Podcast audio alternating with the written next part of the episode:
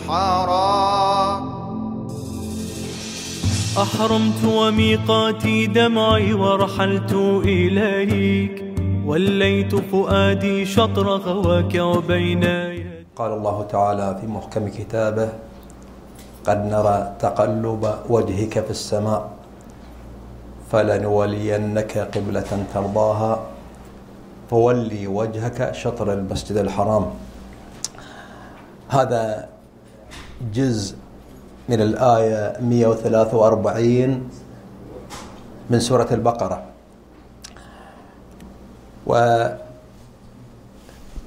وغالبية المفسرون بل لعل الغاء بل, بل جميع المفسرين يفسرون هذه الآية أنها نزلت عن النبي صلى الله عليه وآله حينما أمر أن يتجه في استقباله للقبلة من المسجد الأقصى إلى بيت الله الحرام. والسبب في ذلك كما يقول صاحب الميزان وكذلك صاحب تفسير الأمثل الشيخ ناصر مكارم الشرازي وغيره من المفسرون من المفسرين أن اليهود أخذوا يستهزئون بالمسلمين. ويتشمتون عليهم ويقولون شاركتمونا في القبلة. فنحن قبلتنا المسجد الأقصى وشاركتمون في هذه القبلة. فيقال بأن النبي صلى الله عليه وآله أصيب بهم وغم وخرج ذات مرة وهو ينظر إلى قلب السماء متفكرا مهموما مغموما. ولهذه الآية تقول قد نرى تقلب وجهك في السماء تشير إلى هذا الموقف. فلو فلنولينك قبلة ترضاها. ها؟ المقصود به شنو؟ البيت الحرام. فكان صلى الله عليه وآله يصلي صلاة الظهر كما يقول التفسير. فصلى الركعة الأولى متجها إلى البيت إلى المسجد الأقصى. فلما أنهى الركعة الأولى ها نزلت الآية نزل عليه الأمين جبرائيل وأمره بأن يتوجه في باقي الصلاة إلى البيت الحرام. لاحظتوا وطبعا بلا شك أنها من المواضع التي أكرمها الله جل وعلا للمسلمين عامة وللنبي صلى الله عليه وآله وسلم.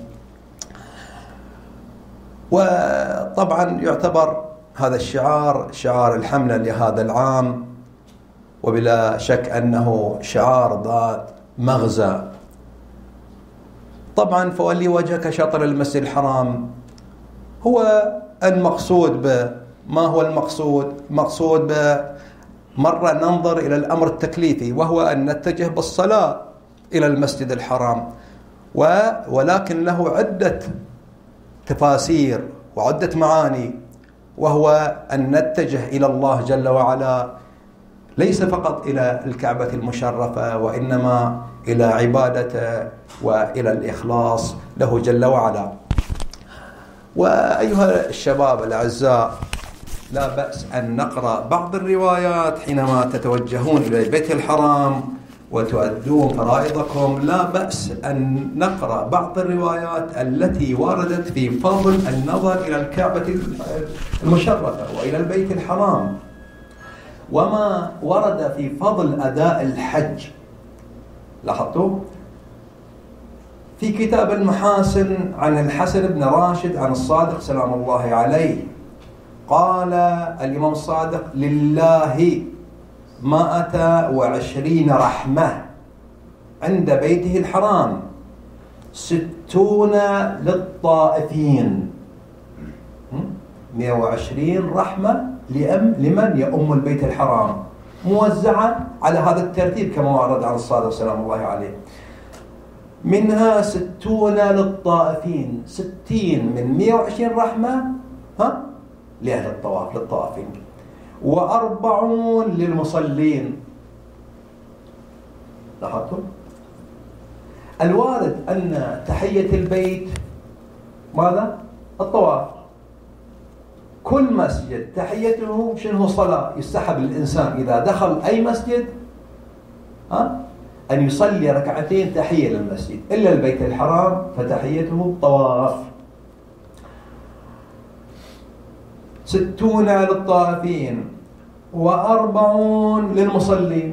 المرتبة الثانية في الفاضل ماذا؟ الصلاة. يتضاعف فضل الصلاة في بيت الله الحرام.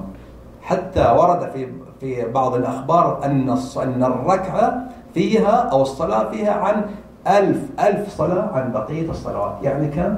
عن مليون صلاة في بيت الحرام. هذه المرتبة الثانية. ألا وهي الصلاة. والمرتبة الثالثة وعشرون للناظرين مجرد أن تنظر إلى الكعبة المشرفة. جعل الله فيها كما ورد في الخبر عشرين درجة من الرحمات.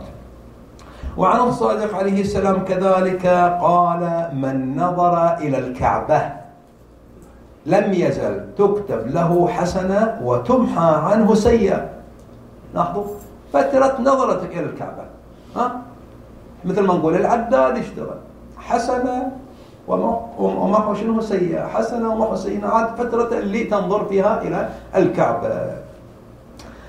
من نظر إلى الكعبة لم يزل تكتب له حسنة وتمحى عنه سيئة حتى ينصرف ببصره عنها. فهنيئا لكم أيها الإخوة الأعزاء أيها الشباب نساء ورجال. وأنتم في ضيافة الرحمن وأنتم تأمون البيت الحرام في حضرة الله جل وعلا وفي ضيافة الله جل وعلا. نسأل الله جل وعلا أن يوفقنا أن نصل إلى هذه المراتب وما عنده الله جل وعلا لمن يأمه في البيت الحرام.